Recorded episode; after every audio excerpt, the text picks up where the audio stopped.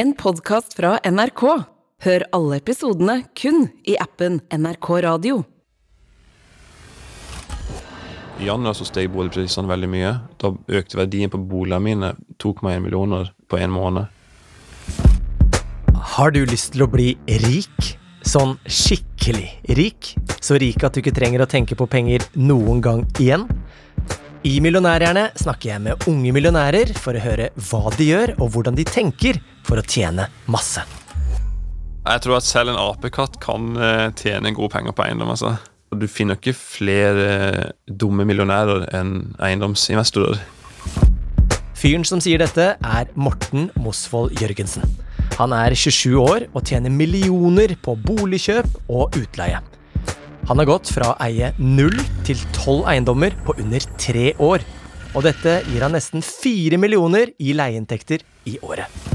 I dag tar jeg en verdivurdering av millionærhjernen til Morten for å prøve å forstå hvordan han tenker, og hva som har gjort at han har kommet dit han er i dag. Jeg heter Kristian Strand, og du hører på Millionærhjerne. Velkommen hit, Morten. Tusen takk, Kristian. Her i Millionærhjerne så kjører vi egentlig bare rett på, vi. Med noen raske spørsmål, så ja, du får bare holde deg fast. Hvor mye har du på brukskontoen din akkurat nå?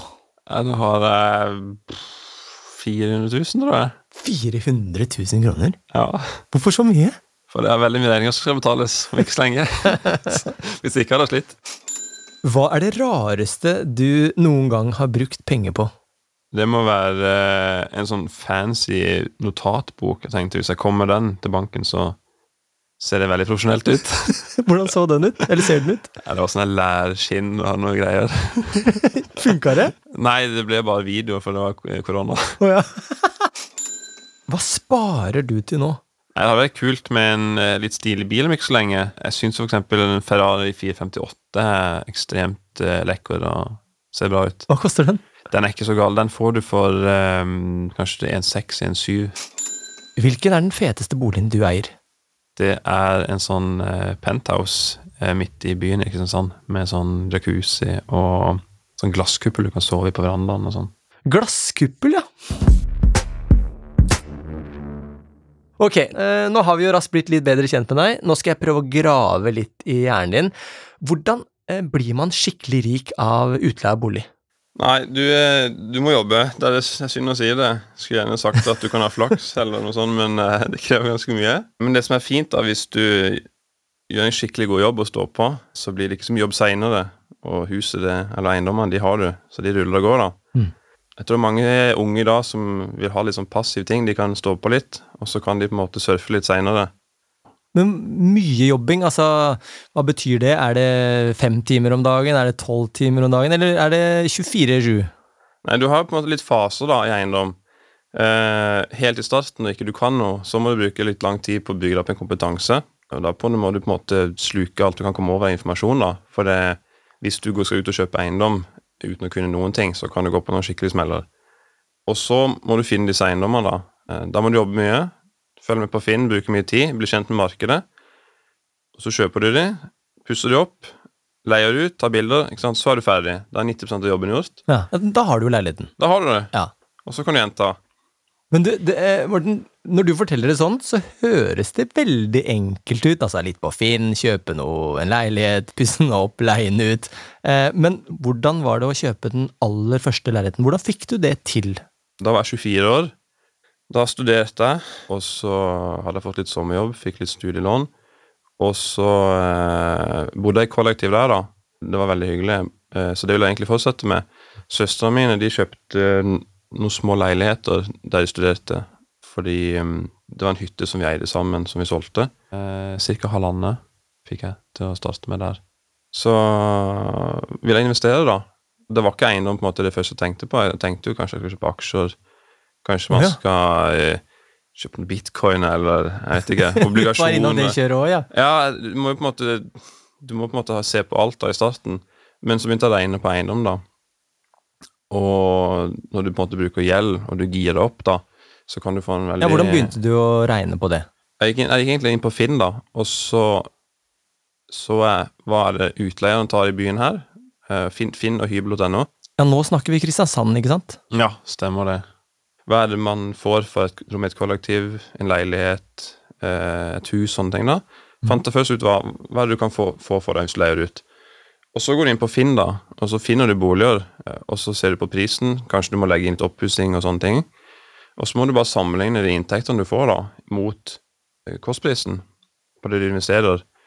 Ok, ta et eksempel, da. Ja. Så hvis du, du var inne på Finn, og så så du at ok, man kan leie ut en leilighet på 30 kvadrat for 8000, Ja, ja, ja. og så lurte du på ok, hvor mye koster denne leiligheten? Ja, Den koster i 2,5 million. ja. Og så begynte du å regne rundt på å se om du kunne få dekket da kostnadene på gjelden på det, da. Ja, kostnader. Så må du huske å legge inn alle utgifter og sånn, ikke sant. Strøm og internett og søppeltømming og formuesskatt eller eh, eiendomsskatt og sånn. Mm. Og så begynte jeg å regne, da. På leiligheter, eh, hus og sånn. Og så endte jeg egentlig opp med at eh, litt større hus og og kollektiv, da, studenter, det var det som ga meg høyest inntekt i forhold til prisen, da. På Ja. eiendommene i, i mitt marked. Og var det Eh, fordi i et kollektiv så kan du ta eh, betalt fra veldig mange som bor i leiligheten? Ja, det er jo det. Det er jo ganske enkelt. Hvis du, hvis du, har, et sove, hvis du har et hus med fem soverom, så får du ganske mye mindre hvis du leier ut en familie, ikke sant, Ja.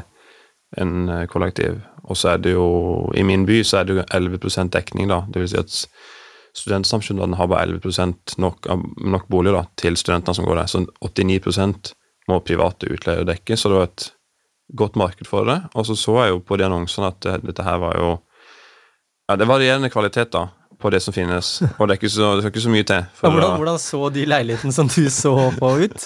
Når du tar et sånn mobilbilde på kvelden av, av rommet, så er det står det en søppelpose i stua, og verandadøra står åpen, og liksom Ja, det står tre Grandiosa-esker og Ja, du skjønner. Eh, og, og hvis de får leid ut, så får i hvert fall jeg leid ut. Ja, ja. ja for du, du er litt visuell i hvordan du tenker, eller? Ja, du må jo det. Du må jo se for deg Det er veldig viktig, det å Som regel så eiendommene du kjøper, de eh, Du må ofte gjøre noe med de for å kunne realisere et potensial i det og skape en verdi. Eh, alle, kan jo bare gå og kjøpe en leilighet og ikke gjøre noen ting med den, og så bare bruke bildene fra megleren og leie ut, men, men, men, men det er som regel ikke så mye å hente. Mm. Så du, du må jo Du må se et potensial, ting du kan endre på. Kanskje planløsningen er ganske dårlig. Kanskje ganga går inn i, liksom, i vinkel, og du må rundt noe. Kanskje du kan flytte vegger, kanskje du kan lage nye bad. Kanskje du kan Ja, ikke sant, sånne ting, da. Men hvordan er det du skjønner at her kan du utnytte leiligheten bedre enn sånn var, da? Er Nei. du god til å tegne og god til å se for deg muligheter, da, eller? Ja, eh, du, må, du må det, altså. Og så hjelper det nok kanskje å gå på litt visninger. Og snakke med fagfolk hva er mulig å gjøre. Hvis du skal flytte et bad og kjøkken, så må du kanskje gå, gå, høre med de om det går an. og Kan vi legge rør her og her? og Åssen er det med rømningsveier? da, Må vi putte inn noen nye vinduer da? Eller og kan vi gjøre det her uten å søke sam sameie? Så du må på en måte snakke med folk da i bransjen og, og leke litt dum. da, Bare si at du er, så, eh, er helt ny her, men eh, jeg har lyst til å kjøpe eiendom. og så, så spør du folk. Og da, hvis du på en måte åpner med det, så er de veldig åpne for å lære deg å legge seg på ditt nivå. da. Men hvordan fant du den første leiligheten, eller det første huset du ønsket å, å by på, da? Det var å gå inn på finn.no. Eh, jeg fant mitt område, som jeg mente var ganske bra. Og så Hvor var det hen? Det var Jeg hadde på en måte en sånn eh, Et område rundt universitetet som jeg tenkte ok, her er ganske billig med eiendommene, men det er nærme nok til at studentene vil bo der. Og så følger du med på det markedet, da, ser hva som er lagt ut, og så får du en formening da om hva som er godt kjøp og ikke. og det er ikke sånn at alle boligene som er lagt til salg, er på en måte alle akkurat på markedspris. Noen ligger kanskje litt over, noen ligger litt under. Det er, det er hoderegning. Også hvis du ser et par hundre eiendommer, jeg så på ganske mange, da, regnet på mange, da, da, da, det er en slags sånn sjette sans da, du utvikler. Hva slags leilighet var det du gikk for? Nei, det, den første det var en halvdel av en tomannsbolig. Ja. Eh, så det vil si det er et stort hus, og så er det en vegg i midten, og så er det hver din halvdel, da. Og det var egentlig et ganske fint objekt, fordi det var veldig bra for å leie ut, men det var på en måte ikke Du hadde ikke en kjempefin utsikt, du hadde ikke noen sånne ting. Eh, hvis jeg hadde hatt det, så hadde det kanskje kosta en million eller halvannen mer, men, men leietakeren vil jo ikke betale 50% mer for å se på sjøen. Mm. Så du må på en måte finne de tingene som er gode utleieobjekter, og ikke konkurrere mot alle disse boligkjøperne i Norge, for de er det mange av. Hva kostet den? 3625. Så hvis du da har en leieinntekt på 32 000, ikke sant, da har du jo 380 000 i året. Så det, det er en sånn tommefingerregel på det jeg gjør, da. Det er det at hvis et hus koster f.eks. 4 millioner, så vil du helst ha 400 000 i leieinntekt i året. 10% Hvorfor det? Det er mange grunner til det. Det aller, aller, aller viktigste med eiendom, det er jo hvor mye inntekt jeg genererer i året. Bankene er veldig opptatt av det, eh, spesielt nå som det er høyere renter. ikke sant? Det, Men hvordan fant du det på den første leiligheten du eh, Den tomannsboligen du kjøpte? Ja, ja. Hvordan visste du på en måte hvor mye du skulle ta for eh, å leie det ut en måned? Jeg var student selv i Trondheim. Eh, Der var prisene litt høyere enn Kristiansand, men ikke veldig mye. Og det som er litt fint, da, fordi boligprisene svinger veldig mye rundt forbi landet, men prisen folk betaler i leie, og kanskje spesielt i kollektiv, den svinger ikke så mye, for det, alle studentene i hele Norge får samme studielånet når de studerer. Eh, Så det kan du si kanskje det er feil, da. Kanskje de i Oslo burde få litt mer, siden det er så dyrt å bo her. Ja? Men, men, men, men det, dette er sånn, da, gjør det at eh, det blir ganske sånn homogent marked. Så jeg visste jo hva et kollektiv gikk for i Trondheim, så sjekka jeg opp ganske mye da på, på, på Finn og hybel i Kristiansand. Og da tenkte jeg sånn Du kan aldri være 100 sikker at du treffer akkurat, men jeg var nærme nok, da, så regnet jeg sånn worst case. Hvis jeg er på den prisen, leieprisen, så går det også greit rundt, da. Mm. Uh, så, regnet jeg også på ok, hvor langt ned kan jeg gå i pris. Jeg kunne jo nesten gå ned i 2500 per rom, på en måte, og få satt foretoget rundt og tenkte ok, det, dette er ganske trygt. Det ja, Mye skal gå alt før, eh, før jeg må det. Men så sto du der med den, den halvparten av tomannsboligen, da. Måtte du gjøre noe med den før du la den ut på Finn og begynte å leie ut, eller var det bare rett ut? Ja, jeg hadde jo en liten plan, da. Det var en ganske fin tomannsbolig fra 2008. To etasjer og ganske to bad og dusj på begge og fin stue og sånn. Men i toppetasjen der så var det eh, Kunne jeg gjøre litt, da. Du hadde en sånn loftstue som ble til et fint soverom, og så hadde jeg en sånn master bedroom som var ganske stort, som jeg kunne dele i to. Så jeg gikk fra fire til seks soverom. Men det jeg gjorde, da Jeg, jeg var litt nøye på å få overtakelse 1. juli, fordi eh, vi har den der festivalen Palmesus i Kristiansand. Og så tenkte jeg jeg må prøve å få leid ut til den, da. Og da var hele boligen tom, da. Det var ingenting der. Og så var den festivalen tredje, tror jeg det var, det året. Så jeg måtte møblere opp hele huset da på to dager. Hvordan klarte du det? Nei, jeg hadde jo, jeg har jo snille foreldre som har en garasje jeg kunne låne. Jeg, Og det du har masse stabler med, med møbler? du kan tenke deg et helt hus da, inni en garasje. Eh, så de måtte parkere utendørs i et par måneder, da. ja. Så der sto det jo senger og sofaer og ja, alt mulig slags ting. Og da fikk jeg leid ut til Palmesus, og det var det var vel Bacardi som skulle ha en stand. De leide huset mitt. Og da fikk jeg inn eh, 37 500 da, på tre netter. Oh, på tre dager? Ja, og oh. det var en ganske nøyaktig 1% av kjøpsummen på huset da, på en helg. ikke sant? Ja. Så det var, det var da det var det Når jeg liksom fikk den høye leieinntekten, da, så tenkte jeg oi, det her er jo helt vilt. Hvorfor gjør ikke flere dette? Det ble noen naboklager og sånn, men det, det roa seg litt. når de var ferdig med Ringte de deg, da? Eh, Ja, naboer er ofte mer ivrige på å sende meldinger, føler jeg. Ja, hva står det ofte? Eh, nei, det Du hører jo aldri når det går bra, eh, ikke sant? Da er det jo stille. Ja, for det er ikke sånn 'kjempefine leietagere du har'. Ja, nå har de ikke bråkt på en måned. Eh, de står parkert eh, akkurat der de skal. Det får de jo ikke. Nei, det det er jo kun når det går skeis. Ja. Så hva er det du får? Hva, det, liksom, hva gjør disse leietakerne ofte? Det, det er jo veldig vanlig akkurat i starten av leieforholdet, når det er nye, på en måte, så ikke det helt vet åssen ting skal være. Da er det jo litt ofte noe Sånn som noen dager siden, da, så hadde jeg en del nye leietakere som kom til et hus, og så hadde jeg to parkeringsplasser der, og så naboen to. Og så hadde de med sånne venninner, så plutselig så hadde mitt kollektiv fire biler. Ja. Ikke sant? Og det er litt dårlig stemning. Det, hva, hva husker du fra da du tjente din første million? Eiendom så er det litt flytende, for det er på en måte egenkapitalen, da. Jeg fikk en verdivurdering av megler, og huset steg verdi. Det var egentlig så enkelt, altså. Det var ikke noe mer enn det. Ikke noe feiring. Nei, for det er jo på en måte du har, Det er ikke cash, du sitter ikke med det på kontoen. Så kjøpte du et nytt hus, da. Det var feilinga. Jeg, lurer jo litt sånn på altså, Det å starte med én leilighet er jo på en måte en litt sånn hobbygreie. Ja. Men hvordan Hvis du skal prøve å tenke, hvordan har du tenkt for å gjøre det til en business? altså, det var litt sånn Ok, første huset, da var det sånn Ja, nå er det kanskje en halv årsinntekt, da, på, på leieinntekter her. Så måtte, jeg, jeg sammenligne alltid mot det, da. Eh, hvis jeg lever veldig enkelt, så kan jeg overleve på det ene huset. Om jeg kjøper et til, da har jeg egentlig en, en greie årsinntekt. Ja. Eh, og så fikk jeg jo det som var trikset her, da. Jeg hadde jo veldig gode inntekter. Og så hadde jeg jo kosta på litt penger på huset, så jeg fikk en ny verdivurdering av banken da. Da gikk du da til banken og sa hei, sjekk ut, jeg har fiksa litt her. Ja, ja se, se så flink jeg har vært. ikke sant? Denne den er jo verdt mye mer nå, Mm. og har de høye leieinntektene. Og så tenkte jeg oi, det var jo bra. Det, det var jo høyere enn vi hadde trodd, sa de.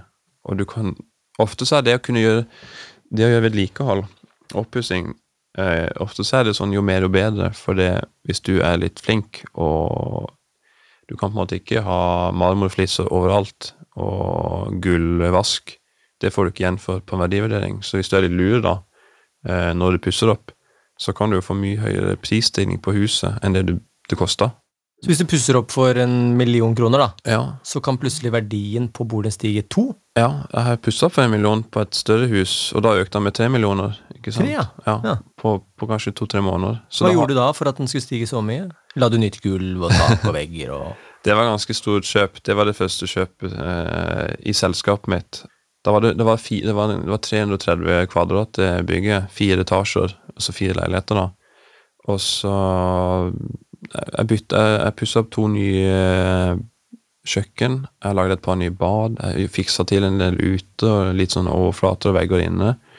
Så jeg økte Jeg kjøpte for 10,8 millioner det huset der. Og så på våren i fjor og så um, gikk jeg fra 15 til 17 soverom. Og så økte leieinntekten fra 800 000 i året på det bygget til 1,2 millioner. Og da steg den, det bygget fra 10,8 til 13,8 millioner. Så da skapte jeg på en måte to millioner mer verdi enn det jeg brukte, da. Og så går du til banken, og så viser du det. Så Og da sier de hva? det de bruker som argument mot meg, da, det er jo det at hvis det her skjer så fort, og du er ung, ikke sant. Å ja, de brukte ungkortet? Ja, eh, vi skal ikke ta det litt mer rolig. Jeg- Hva sa du da? Sen, nei, jeg syns ikke det. Eh, det. Så du må jo på en måte det til positivt. da. Du må jo si ja, men hvis jeg får til dette så fort og er ung, så er det et bra tegn. Da må jeg gjøre mye riktig. Hvis jeg bruker samme tida ja, Hvis jeg bruker 20 år på å få til det samme, så er det dumt. Så du må på en måte bare vinkle det sånn, og frame det riktig. Tenkte de at du var uerfaren? Eh, Det håper jeg. Det var jeg jo. men eh, nei, men jeg, var, jeg var veldig grundig, da, systematisk. Jeg er litt sånn ingeniørtype. Så det på en måte å legge fram regnestykkene på alt, og eh, ja, vise på en måte et realistisk bilde, og så kanskje heller overraske etterpå, da. Det er jo veldig mange problemer du må løse, og du kommer til å få veldig, veldig mange nei. Ja. Eh, så det å ikke ta et nei for et nei, og finne løsninger, eh, det er liksom ingen regler uten unntak, i hvert fall ikke i den bransjen her. Men nå ehm, Den første budrunden vår, den var jo litt eh, det var, det, det var, Du var litt redd. Ja, det skal jeg love deg. Den T-skjorta måtte jeg bytte etterpå. Hvordan er det nå? Nå kjenner jeg ingenting. Ingenting. Nei, det er som, er som å kjøpe melk i butikken, liksom. Ja, hvordan, går, hvordan da? Nei, fordi før så er det jo liksom, det Risiko er veldig relativt. Når du har gjort på en måte forarbeidet, så er det veldig, veldig veldig lite som kan gå galt. Uh, og det er det jeg mener med at uh, det er som å kjøpe melk i butikken. Altså, det er sånn Det er, ingen, det er ikke skummelt. Er det deilig å komme til den Ja, det er jo det, men det er litt kjedelig òg, da. Eller sånn. Ja, det er det. Ja, for det er jo Det er fint med utfordringer, på en måte, å strekke seg. Hvordan vet du at de menneskene som er inni disse leilighetene dine nå, er de perfekte leietakerne? Du sier at de er grundige, men det er jo mange Ja. folk som ikke er grundige. Ja, det kan jeg skrive Ikke. Så, ja, ikke sant? Så hvordan, hvordan vet du at disse fem på det første huset og de fem i det neste huset er de, liksom, det er kremen av kremen som både betaler for seg Ja. i tide, Ja. de eh, plager ikke naboene og hverandre for mye, Mm. de rydder opp etter seg, eh, og du trenger på en måte ikke å kaste de ut. Det er en fordel å slippe å kaste det ut. Jeg har måttet gjøre det, men eh, Nei, altså, du kan jo gjøre alt riktig, og du kan jo fortsatt på en måte gå på en smell, da. Men det jeg ser etter i leietakerne mine Jeg kunne jo leid ut til hvem som helst, men problemet da kan jo være folk flytter fordi de ikke kommer hjem med de andre. Så, så min på en måte kjernegruppe, eller kunde, det er jo mellom 19 og kanskje 25-26 år. Mm. Det er unge folk, typisk studenter, kanskje de har deltidsjobb, det er jo alltid bonus. Og da vet du på en måte at de er ganske samme sted i livet. De har ganske mye til felles. Hvis jeg putter inn en, eh, en 40-åring som på en måte ikke studerer, så blir det krasj, og så flytter de andre fem. Men jeg hadde en som eh, gikk gjennom filteret, kan du si. Hva, hva skjedde? Eh, nei, han, han kom på visning da med kjæresten, og sånn helt vanlig kledd. Eh, lukta godt. og var, var veldig hyggelig. Men i hvert fall så fikk han en kontrakt og flytta inn. Og så, og så betalte han én måneds leie, men så sa det stopp. Og så um, På det kjøkkenet her så begynte det å forsvinne litt sånn bestikk og tallerkener og glass og sånn. Så de andre lurte på du, jeg, kan ikke kjøpe noe mer. Vi har ikke så mye kjøkkenutstyr. Så tenkte jeg det var rart. Har de knust så mye liksom på fest? Men ja, ok, jeg får vel stikke på Ikea, da. Så fikk de det. Men tilbake til han her som ikke betalte, da. Han måtte hive ut, da. Og så på rommet hans sitt så hadde han litt sånn kott okay. under skråtaket.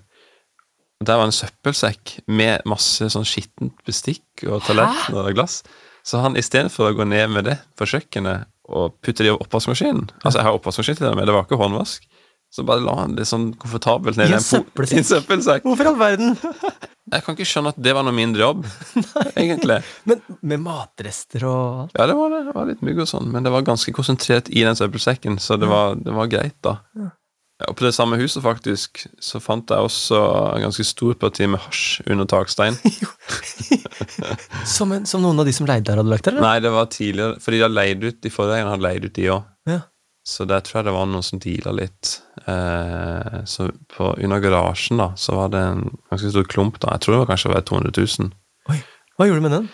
Nei, det ble Du røyka den? Røyka hele, ja. Du feira!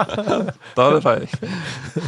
Nei, den ble destruert. Og så har han ligget der litt, så det var litt mugg òg, så jeg tror ikke man kunne gjort noe med det. Men når du opplever sånn som, både, ja, sånn som han med søppelposen, og du må kaste han ut eh, Ja. Det hadde du ikke så mye erfaring med. Hvordan Nei, måte, du må bare ta det på strak arm og se på det som erfaring. Sånn, yes, nå kan jeg lære å kaste ut folk. ikke sant? Og det kommer jeg til å trenge i framtida òg. Syns du det var vanskelig, eller? Det er jo på en måte det, men, men uh, du har ikke noe valg, så må du bare gjøre det. Men du kjøper inn bestikk. Gjør du noe mer for at det skal være enkelt å leie av deg, eller så du da slipper mye styr? Alt er fullt møblert. Senga er litt personlig, men eh, da har jeg også madrasser som madrassbeskyttere. Og så slipper du at eh, det kommer en haug av folk hvert år inn og ut som skal dra svære møbler inn og ut av husene dine og ødelegge veggene. Det er mange av de som kommer og reiser med en bag og en, en sekk liksom, fra studiestedet. Slipper de å ha med seg foreldrene ned for å kjøpe ting på Ikea. og De det veldig smidig, hele greia. Mange som sier at du skjemmer de bort, liksom, men, men du kan ikke tenke sånn. For du konkurrerer jo mot andre utleiere, og du vil jo ha kundene, og du vil jo ha en grei leieinntekter, da. Så du må på en måte Du må ikke gi det alt de vil ha, men ganske mye. For da, da, da, da får de en annen respekt for deg også som utleier, da, og kanskje tar de mer vare på det. Men nå er det jo 2022. Hvor mange mm, eiendommer eier du nå, eller mange leiligheter, hus og sånn? Nei, Nå er det tolv boliger, 53 leietakere. Eh, Så har jeg en overtakelse til om et par måneder. Men utenom det så er jeg ganske rolig nå. Nå tenker jeg å reise da, på ferie i et par måneder. Jeg gjorde det samme i fjor, da jeg var ute i litt over to måneder rundt forbi verden. Hvor mye penger er det du får nå i leieinntekter? Nå så er det ca. 3,9 millioner, da. Og så er det jo litt renter og sånne ting òg. Ja, Det er mye penger.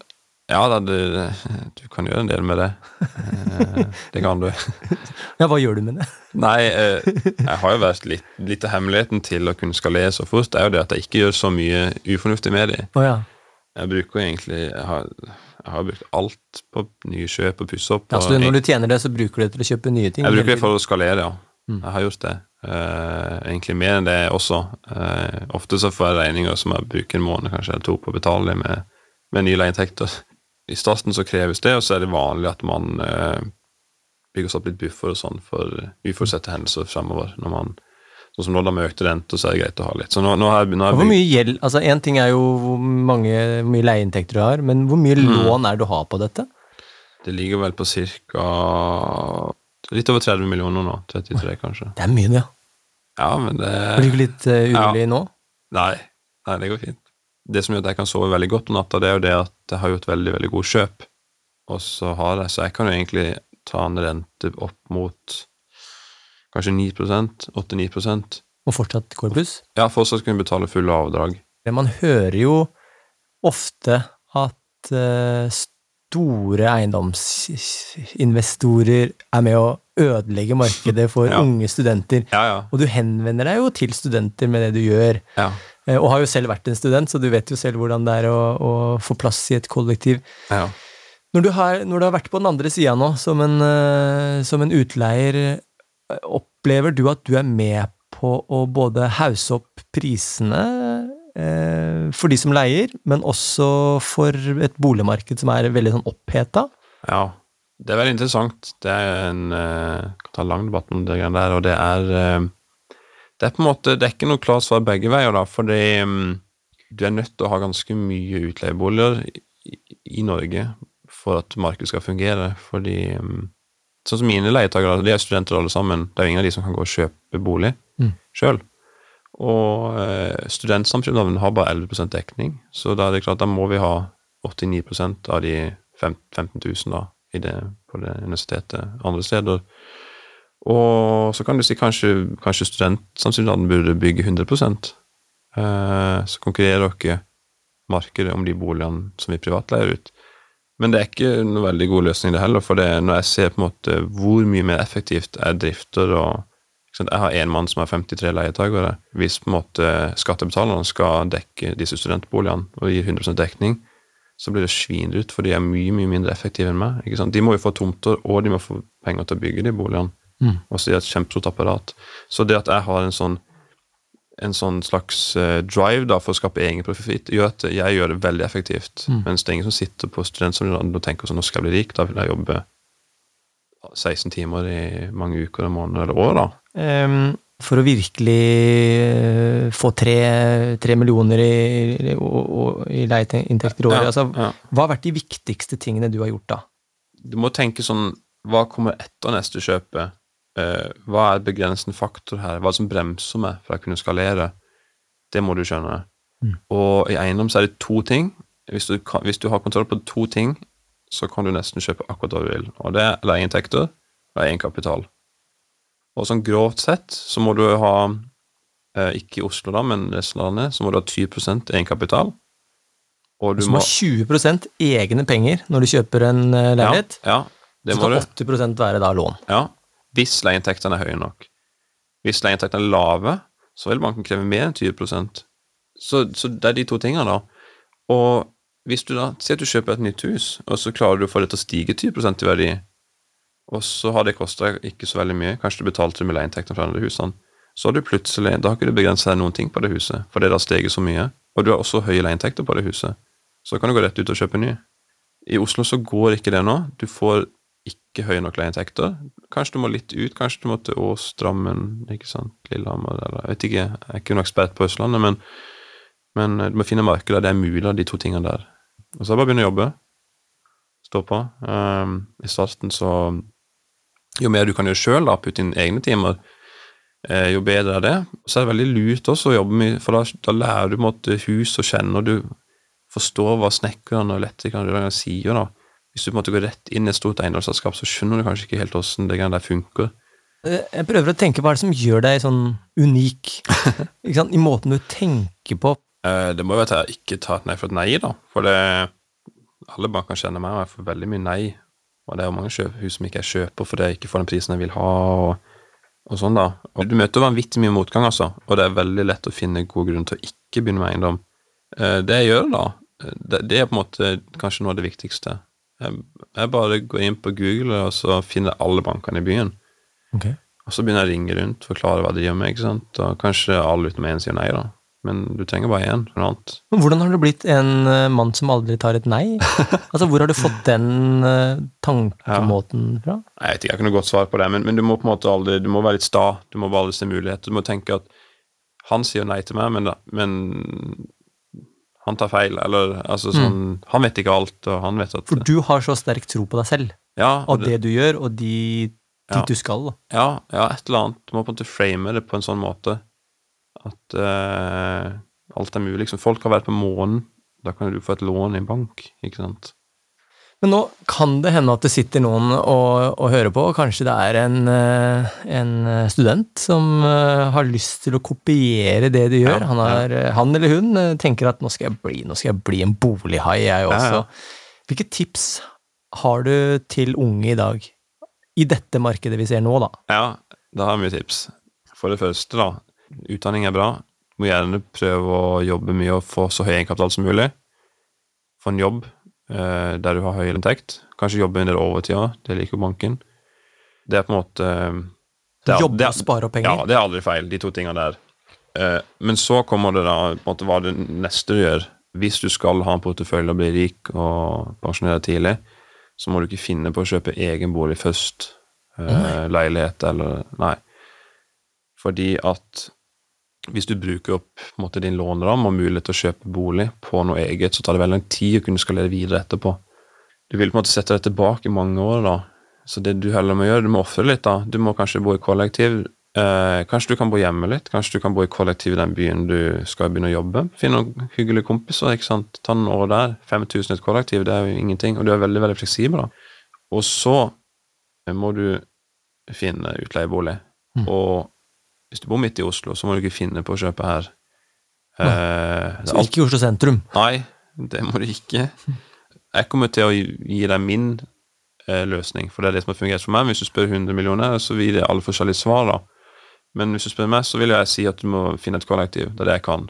Det er veldig trygt for meg. Jeg sier jo at du burde kjøpe eh, store hus, leie til studenter, og så må du eh, få verdien opp på de. Øke verdien hvis du skal kjøpe mer.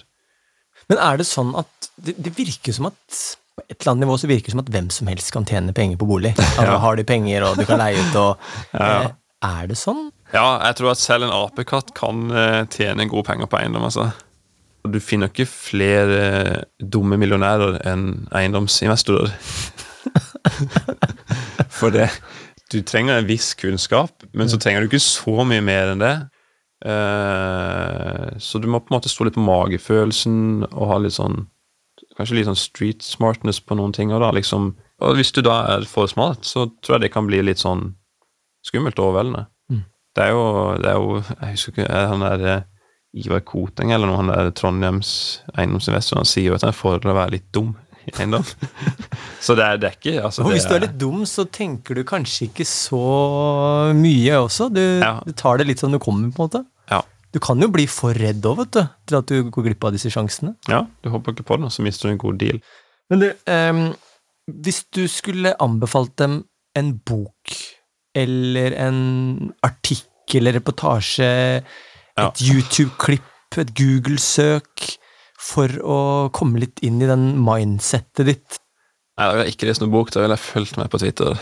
Ja, følt, følg, ja så klart. Du må, ja, ja, de må følge deg på Twitter. Ja, Men er det andre ting, da? Det jeg som gjorde, da du gjør, da? Ja, eh, I starten av den, den våren jeg sugde til meg mest kunnskap, da eh, lagde jeg Twitter. Jeg fulgte en del eiendomskontoer. Eksempelvis én. Eh, ja, i, Norge da, så har du jo for eksempel en som heter Økonomisk frihet. Du har eh, veldig mange dyktige norske nå. Det er et veldig, veldig fint miljø. Så Twitter er veldig bra. Ehm, jeg brukte mye YouTube. Jeg Ja. fulgte en del amerikanske eiendomskanaler og kontoer. Hvem er dette, da? For eksempel en som heter Bigger Pockets. Bigger Pockets? De er fine. Og så har jeg um, Ja, det er en som heter Meet Kevin. Du har en som heter eh, Graham Steffen. Han er ikke så mye på eiendom lenger. Men, Men hva er- lærer du av de? Eller hva kan man lære av de? Nei, først så må du bare forstå åssen økonomien og verden fungerer. Ja. Sentralbanker. Ikke sant? Sånn som eh, I januar så steg boligprisene veldig mye. Da økte verdien på boligene mine 2,1 millioner på en måned. Så på en måte leieinntektene mine er jo ikke det som skaper mest verdi for meg. Det er jo det å forstå gjeld og økonomi, Mm. det funker. Hvor mye er alle eiendommene verdt i dag, da? Eh, nesten 50 millioner. Så vel 46-47 cirka. Mm. Du, du trenger leieinntektene for å betjene lånet, pusse opp sånn, men de virkelige verdiene kommer fra prisstigning, inflasjon og, og den biten der, da. Og hva er målet ditt nå? Jeg, jeg leste noen sånn studie på det. Når du deler målet ditt, så får du allerede litt accomplishment-følelse bare av å si det, og da har du mindre sannsynlighet for å nå det, oh, ja! faktisk. Jeg trodde det var litt motsatt. Ja. Eh, nei, ikke statistisk sett så er det ikke det. Så jeg tror ikke jeg skal si hva målet mitt er, men uh, jeg har jo noe sånn innen 30, så vi hadde det kult å nå det tallet. Noen runde tall. Er det 100 millioner? Kanskje. Så innen du er 30, så kan det godt hende at du uh, har eiendommer verdt 100 millioner. Du, Morten, takk for at du, du var gjest her i Millionærhjerne. Jo, takk for at jeg fikk komme. Veldig hyggelig.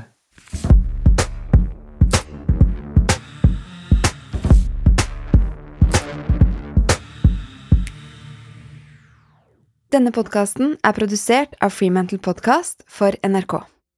Den er laget av Anna Cappler, Espen Rogne og Annie Ostrø. Programleder er Christian Strand, og ansvarlig produsent for Freemantle er Mira Khan. Prosjektleder i NRK er Halvard Jacobsen, og redaktør er Randi Helland. Du har hørt en podkast fra NRK. Hør alle episodene kun i appen NRK Radio. I Statens mal for medarbeidersamtale møter du arbeidstakere et godt stykke unna normalen. Det er stress. Hvor ser doplangeren seg selv om fem år? Jeg stortrives, altså. Jeg elsker penger. Penger overalt. Tenker sexarbeideren nok på HMS? Og tar standup-komikeren jobben sin seriøst nok? Det er mye å gå på.